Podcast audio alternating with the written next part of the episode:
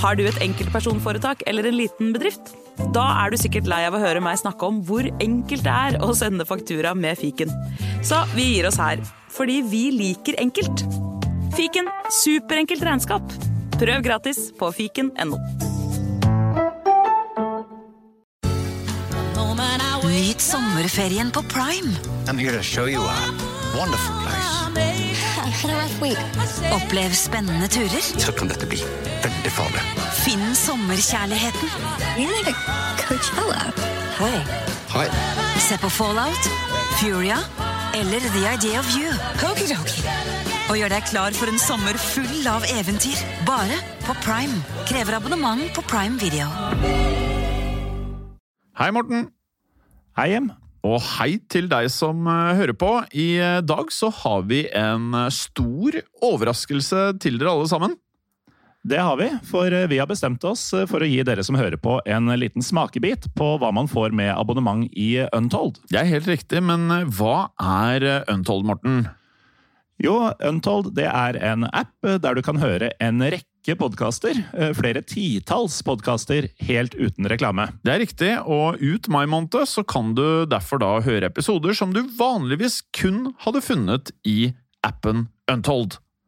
Ja, for eh, som Untold-kunde så får du nemlig en ny, reklamefri episode av Historiepodden andre verdenskrig hver eneste uke hele året. Ja, og i Untold så får du også ukentlige episoder av Henrettelsespodden og Historiepodden blant flere, samt også da miniserier som Gulltransporten og Historien om Henry Rinnan. Og apropos Historiepodden, Jim, så er det snart eh, 17. mai. Og i Historiepodden så vil man kunne høre episoden om torgslaget i Kristiania i forbindelse med nettopp eh, den datoen. Og det er en episode som alle bør få med seg. Jeg tenker det, og skulle du som hører på nå sitte igjen og tenke at du veldig gjerne vil høre en episode av Historiepodden andre verdenskrig hver eneste uke, så er da, som du helt sikkert skjønner, Untold en mulig løsning for deg. Det er helt riktig. Da går du inn på AppStore eller Google Playstore og laster ned Untold. Eller du går til untold.app i nettleseren for å starte ditt abonnement i dag. Ja, og har du ikke gjort dette før, Morten, så er det faktisk sånn da at du får hele første måneden helt gratis! Ja, eh, og det har skjedd. Og det kan skje igjen. Advarsel. I denne podkasten vil du høre historier basert på informasjon programlederne har funnet selv. Programlederne står ikke nødvendigvis inne for meninger og syn som fremstilles. Noen påstander kan avvike fra virkeligheten.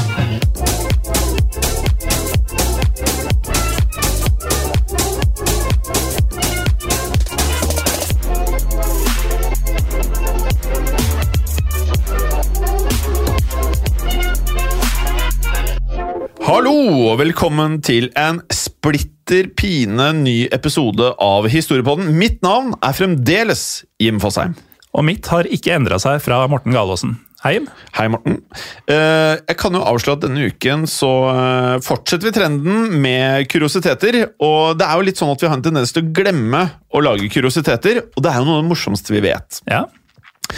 Eh, dagens kuriositet har en helt eh, Og det her kan høres litt rart ut. Spesiell plass i hjertet mitt. Det høres faktisk rart ut Ja, det er hva det er. ja, det er litt spesielt.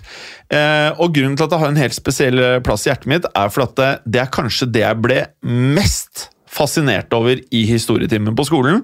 Jeg kunne ikke tro at dette var sant! Nei? Så jeg måtte lese det samme mange mange ganger, for var det mulig at de klarte å få til dette her? På 40-tallet? ja, på 40-tallet.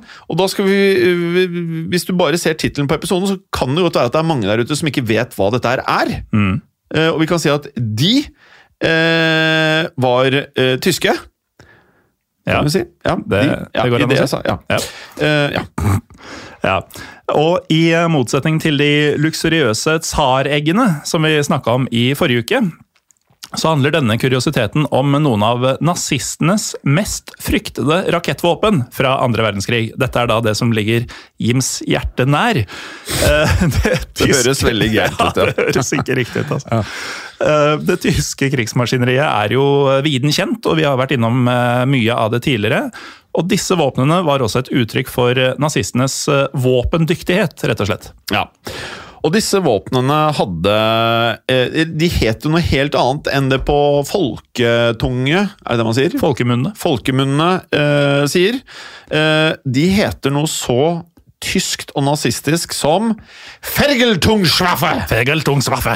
Eh, vi kan eh, oversette det som vengeance weapon, eller hevnvåpen på norsk. Så Vergeltungswaffe er å foretrekke. Altså, Kombinasjonen at det heter hevnvåpen og at det er nazistene som drev med det, det er jo ganske illevarslende, vil jeg si. Ja, Det er ikke optimalt. Dagens to hevnvåpen kalles V1 og V2. Og de ble brukt sommeren og høsten, spesielt i 1944. Og hvis vi tenker på sommeren 1944, og at tyskerne kalte disse for vengeance weapons, så kan vi også begynne å tenke oss hvem det var tyskerne skulle hevne seg på med disse eh, V1 og V2. Ja, det var jo selvfølgelig britene som skulle mm, få smake hevn. Eh, Storbritannia var jo Tysklands erkefiende, også under andre verdenskrig, og Hitler ville prøve å tvinge Storbritannia ut av krigen. Dette brukte han det nyutviklede våpenet V1 og senere V2 til. Det ble laget et V3-våpen også, men det ble aldri brukt, så vi fokuserer i stedet bare på V1 og V2 i denne episoden. Eh, Hitler selv sa dette om våpnene. This will be retribution against England. With it we will force England to her knees. Ja. Britene kalte disse våpnene noe litt annerledes. For VM-våpenet eh, kalte de The Bus Bomb, Doodlebug, eller så brukte de også kallenavnet Diver. Doodlebug hørtes nesten søtt ut. Ja, jeg, jeg, ja Buzzbomb syns jeg kanskje er det som høres skumlest ut. Ja, Og det er det som kommer til å gå igjen også. Ja, bussbomb. Eh, Og for at vi skal forstå disse kallenavnene, må vi kanskje beskrive disse hevnvåpnene. eh, Sånn at dere forstår hva de var, og hvordan de fungerte. Og da kommer dere også til å forstå hvorfor jeg som bitte liten pjokk ble veldig fascinert av dette og ikke kunne forstå hvordan dette var mulig. Nei, for vi er jo da i 1944 når disse tas i bruk, og de har jo da vært utvikla over lengre tid før det også. Hevnvåpnene var faktisk pilotløse bomberaketter som kunne reise over en imponerende lang distanse, og de brukte teknologi som gikk langt foran det de allierte hadde på den samme tiden. V1 var 7,5 meter lange raketter som kunne reise så mye som 240 km langt, altså 24 mil, med en rasende fart på hele 580 km i timen. 7,5 meter, det er altså da 3,5 deg. Ja, det sier sitt. Ja, da vet dere lyttere hvor høy Morten er. Og av den høye farten hadde britene ganske kort tid på å gjøre tiltak for å forsvare seg når de først oppdaget at rakettene var på vei. V1s jetmotor lagde en høy og raspende lyd. Man kan bare liksom forestille seg hvor ekkelt det må ha vært å ha hørt denne saken komme mot seg. En tysk jetrakett som er på vei for å ta hevn! Derav kallenavnet Buzzbomb. Om du hørte denne raspende, fæle nazilyden, og deretter en plutselig stillhet, da gjaldt det å komme seg i et bomberom så fort som overhodet mulig. Ja, for den plutselige stillheten den betydde ikke at raketten hadde forsvunnet, eh, snarere tvert imot. Eh, Stillheten betydde at navigasjonsinstrumentene signaliserte til raketten at den nå hadde nådd målet sitt. Og når den raspende motoren stoppet, ville raketten stoppe opp og gjøre et dypdykk, eller rett og slett bare deise ned. Derav det andre kallenavnet diver. Tenk deg hvor uh, redd man hadde vært bare man hørte disse her lydene. Um, dette dykket, da, altså denne diveren, var utrolig dårlig nytt for folkene på bakken, selvfølgelig. Naturligvis. Ja, naturligvis, for det betydde at uh, de svimlende 900 kiloene med eksplosiver festet til raketten var da i ferd med å eksplodere bare noen øyeblikk senere. 900 kilo, altså nesten ett tonn med bomber per rakett. Eh, Man, man skjønner jo at innbyggerne i England frykta uh. Det er hevn. Tyskerne hadde begynt å forske på flygende rakettbomber allerede i 1939. Dette vet vi fordi britisk etterretning fikk en hemmelig rapport fra her vi befinner oss, i Oslo. Eh, Og den hemmelige rapporten advarte nemlig britene mot hva nazistene forsket på. Men britene tok ikke denne rapporten særlig alvorlig. Men i oktober 1943, da fikk de igjen informasjon, denne gangen fra franske spioner, om at tyskerne drev med konstruksjon og bygging av noe mistenkelig i den tyske landsbyen Penemünde, langt øst i landet, og langs nordkysten av Frankrike.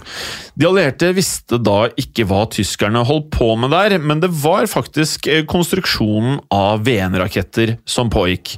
Og når nazistene startet denne motoren på denne VN-raketten, så var det slik at raketten den tok av fra en nesten 50 meter eh, høy rampe som pekte rett mot London. Bare, bare visualiser deg det. De har pekt en rampe mot London. Det er litt James Bond, det òg. Ja, det er ganske James Bond. Fra eh, langt unna. Deretter suste denne raketten av gårde mot Londons, eh, ja, på den tiden intetanende innbyggere.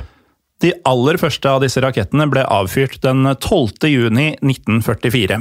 Av de 19 rakettene som de eh, fyrte av, klarte bare ni å ta av fra selve rampen, og ingen av dem klarte å komme seg til England før de krasjet. Men tyskerne de prøvde igjen, og dagen etter, på andre forsøk, kom hele fire stykker seg til England, og en av dem traff London. Og tyskerne de prøvde igjen og igjen til de hadde perfeksjonert disse rakettene, og VN Bussbombs ble snart Londons store frykt. Hitlers mål var å ødelegge Englands ja, kamp mot, om man kan kalle det det, slik at de skulle trekke seg fra krigen, i det minste leve i frykt. Og det vet vi jo at i hvert fall det at de skulle trekke seg, det vet vi at tyskerne ikke klarte, selv om England led store tap som følge av disse bombene. Mer enn 6000 mennesker i det sørøstlige England ble drept av V1-bombingene mellom den 13. juni 1944 og den 29. mars 1945. Noen V1-bombemissiler ble også avfyrt mot Belgia og Frankrike, men det største hovedmålet i kampanjen det var England. Eh, Dette var første gang et slikt eh, flygende pilotløst bombemissil ble brukt i praksis, og selv om det var vanskelig å styre dem mot veldig presise mål, så skapte de naturligvis stor frykt. Mm. Og som vi har vært innom, så var det sånn at eh, utrolig mange av disse rakettene bommet eller landet et helt annet sted enn hva tyskerne ønsket at de skulle, siden presisjon var en av VNs største mangler. Teknologien i VN-rakettene ble videreutviklet av eh, andre land etter krigen, som vi naturligvis nå vet mye om, og la grunnlaget for langt mer presise og sofistikerte kryssermissiler, altså bombemissiler som ble tatt i bruk allerede på 1980-tallet. The Busbombs eh, V1-missilene, var imidlertid ikke det eneste hevnvåpenet tyskerne utvikla. De utvikla også et bombevåpen kalt V2, eh, og la oss se litt nærmere på forskjellen mellom disse to. Jim. Ja, V1 var jo da en veldig tidlig utgave av et såkalt cruisemissil, og som det ligger i ordet, så var det sånn at denne jetmotoren den stoppet og fikk raketten til å falle når den var over London. Den ble sendt rett ut fra en rampe, som da, som vi har nevnt, pekte mot London. Men V2-missilen var litt annerledes. Ja, V2 var det som kalles en ballistic missile, der ballistic refererer til visse mm, fysikkprinsipper i lufta. Eh, V2-raketter brukte en kraftig motor som sendte dem rett opp i lufta, og når raketten hadde kommet til et visst punkt, så slo den av drivstoffet og motoren og falt mot jorda med hele sin vekt på 12 tonn, der de 725 kiloene med eksplosiver i raketten detonerte når de traff bakken. V2-rakettene kunne fly så høyt som 80 km opp i lufta, og kunne reise horisontalt hele 320 km langt, altså 80 km lenger enn hva V1-rakettene kunne. V2 hadde også en annen fordel. De lagde ikke denne lyden, den der forferdelige lyden som vi pratet om tidligere. raspende lyden. Den raspende lyden som V1-rakettene var eh, kjent for. V2-rakettene var nemlig raskere enn lydens hastighet. Folk kunne ikke høre V2-rakettene når de nærmet seg, så om man ikke fikk øye på dem, så var det første man hørte selve eksplosjonen idet rakettene traff bakken. Og først etter at raketten traff bakken, kunne man da høre lyden av at den kom, siden da var så utrolig rask. Altså, Vi er som vi nevnte på 40-tallet, og vi snakker om at noe reiser raskere enn lydens hastighet. Det sier jo litt om fortrinnene tyskerne hadde på teknologi. Eh, Jeg tror selv at jeg kunne blitt ganske stressa av tanken på at en helt stille bombe kunne eksplodere når som helst, hvor som helst, når jeg gikk rundt på gata og prøvde å leve livet mitt. Ja, men eh, med V2-ene, da var det liksom over når det var over. Mens V-ene, da, da løp du rundt, og ettersom den lyden ble borte på slutten, så visste du jo ikke helt hvor den landa, så var frykt og du ikke visste hvor den var. Ja. Um, og dette her er jo, som vi har pratet om, det her var noe, og noe vi har lest flere steder, som spredte utrolig mye frykt blant mm. innbyggerne i, eh, i England, men spesielt i London. Og som vi da nevnte, så var det sånn at disse VN-rakettene hadde jo da denne lyden. Så selv om den kunne spre mye frykt, så var det sånn at denne lyden kunne også brukes til å bli spurt opp av britene før den traff målet sitt. Og det gjorde jo at en del av VN-rakettene ble skutt ned før de traff målene sine. Noe som ikke var like enkelt med da annen generasjon, altså V2-rakettene. Nei, Den eneste måten man kunne nøytralisere V2-raketter på, det var å bombe selve oppskytningsbasene direkte. Men da måtte man jo vite hvor disse var, og i tillegg så kunne man jo bli skutt ned på veien dit. Eh, I tillegg så måtte allierte styrker drive tyskerne tilbake, så de ikke kunne komme nærme nok målene sine til å skyte raketter mot dem. Mm. V2 var da altså et langt vanskeligere våpen for de allierte å nøytralisere, eller bare forsvare seg mot. På den annen side var V2-raketter langt dyrere å produsere for nazistene enn hva VN-rakettene var. Dette medførte jo også da at det de faktisk brukte mest av, ikke var de avanserte V2-rakettene, men faktisk V1 rakettene. Men V2-raketter ble også brukt i så stor grad at de ble et fryktet krigsvåpen. Den første V2-missilen som ble brukt i krigføring, ble skutt mot Paris den 6. september 1944, og to dager etterpå ble én avfyrt mot London. Og litt etter dette så landet eh, faktisk gamle V1-raketter i London. Ikke lasta med eksplosiver denne gangen, men med tysk propaganda. De var fulle av brosjyrer der det sto følgende German scientists have invented a new and more destructive weapon. It is the V2. It's time for the British people to listen to the words of reason of the Führer. Give up this war. It is one you cannot hope to win. Ja, og for de som har sett eh, filmer om annen verdenskrig, vet du at eh, nazistene elsket propaganda. Og eh, ofte så var mye av det de spredte så sykt at det var Det er nesten liksom Kan noen ha trodd på mye av det de spredte? Og jeg spilte mm, mye TV-spill eh, da jeg var litt yngre, og et av spillene var Medal of Honor, som er utvikla av bl.a. Steven Spielberg og Tom Hanks. Og der er eh, bossen i Medal of Honor 1 Bossen er en tysk nazi-ingeniør som er i ferd med å skyte en V2-rakett. Oh, ja. Så hele spillet dreier seg om at du skal stoppe eh, første utskytning av V2-raketten mot London. Og dette kom jo da du var i eh, ungdommelig alder, så det, da skjønner jeg litt mer av hvorfor du hadde Ja. et så sterkt forhold til Ja. eh, V1 og V2-rakettene. Ja, og det spillet runda jeg sikkert ti ganger, og stoppet nazisten hver gang. Ja. mm. Ja, ellers hadde du ikke runda det. Nei, det er jo poeng. Tilbake til eh, historien her. Totalt sendte tyskerne 4000 V2-raketter mot allierte mål fra september 1944 og frem til slutten av annen verdenskrig. Og 1000 av disse 4000 ble sendt mot London. V2 var også langt mer effektiv som vært innom enn V1 når det gjaldt å drepe flest mulig mennesker. V1-raketter drepte i gjennomsnittet litt over to personer per rakett, mens V2 drepte i gjennomsnitt fem person eller flere per rakett. Men siden det ble avfyrt langt færre V2-raketter pga. den kostbare produksjonen, så drepte V2-raketter bare i anførselstegn 2855 personer i England. Litt under halvparten av antallet mennesker V1-rakettene tok livet av i samme periode. Engelskmennene de holdt stand, men tysk propaganda fortalte Tysklands innbyggere at frykten for hevnvåpnene hadde ført til at britiske myndigheter panisk hadde beordret full evakuering av London. Noe de selvfølgelig ikke hadde gjort, men innen september anbefalte britiske myndigheter at de som ikke var nødt til å være i London, burde reise vekk. Mer enn én million av Londons innbyggere forlot med dette byen for å da rett og slett unngå V1 og V2-bombing.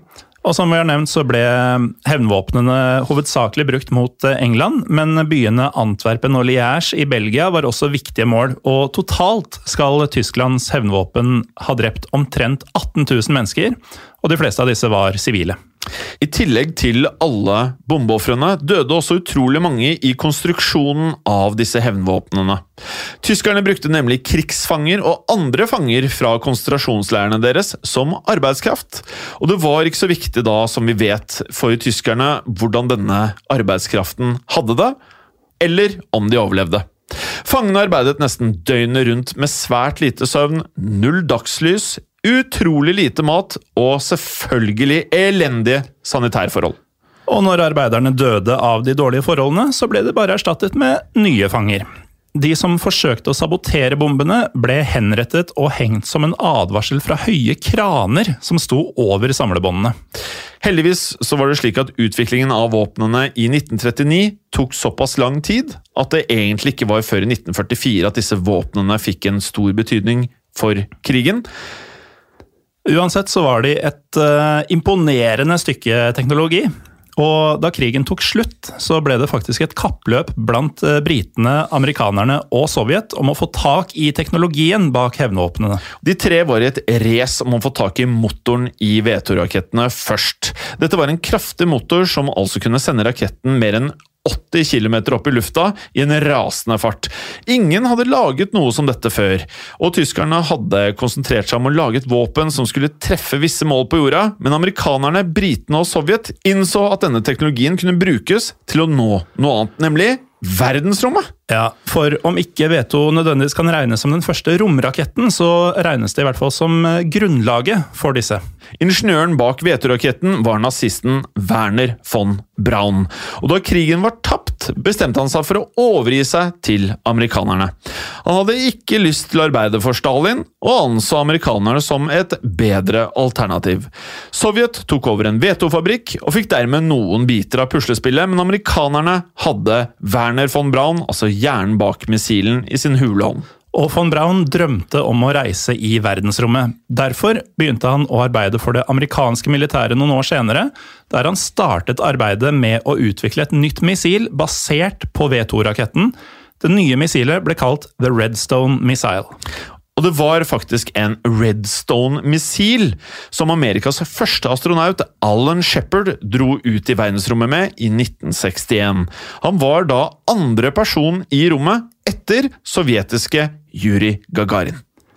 De fryktede hevnvåpnene fra andre verdenskrig la altså grunnlaget for den første amerikaneren i verdensrommet. Og V2-teknologi spilte også en rolle i månelandinga. Man antar at vi nok eh, hadde landa på månen uansett, eh, bare litt senere, om vi ikke hadde hatt eh, V2-teknologi. Selv i dag er mange av delene av raketteknologien ganske lik den originale V2-teknologien, bare mer sofistikert. Og det er jo dette her som var noe av fascinasjonen min som ung, bare hvor ekstremt flinke ingeniørene til nazistene var, og villigheten deres til å bruke penger og ressurser på å utvikle teknologi som senere har blitt brukt, brukt til gode ting. For å sette litt i perspektiv, så er jo dette tiden hvor altså, våre besteforeldre var, var, unge. Det er jo en svunnen tid så langt tilbake ikke sant? At, at de kunne få til noe sånt på den samme tida som man pløyde jorder manuelt og sånn. Helt Dessverre så er det jo som man da sier at krigstilstander da får fortgang i teknologisk ja. utvikling. Det er da det går unna. Vi er uh, Historiepodden på Instagram og Facebook. Det stemmer. Der må dere gjerne like og følge oss. Og så har vi en Facebook-gruppe som heter Historie for alle. Og med det, Morten, det har skjedd. Og det kan skje igjen. Ja, kan det skje igjen? Kanskje. Kanskje. Vi får se. Ha det godt! Ha det. I produksjonen av Historiepodden så ønsker vi å takke Håkon Bråten for lyd og musikk. Takk til Felix Hernes for produksjon. Takk til Ellen Froktenestad for tekst og manus. Og takk til deg, Morten Galesen, for programlederrolle. Og takk til deg, Jim Fosheim, for programlederrolle. Moderne media. Klokka er sju om morgenen.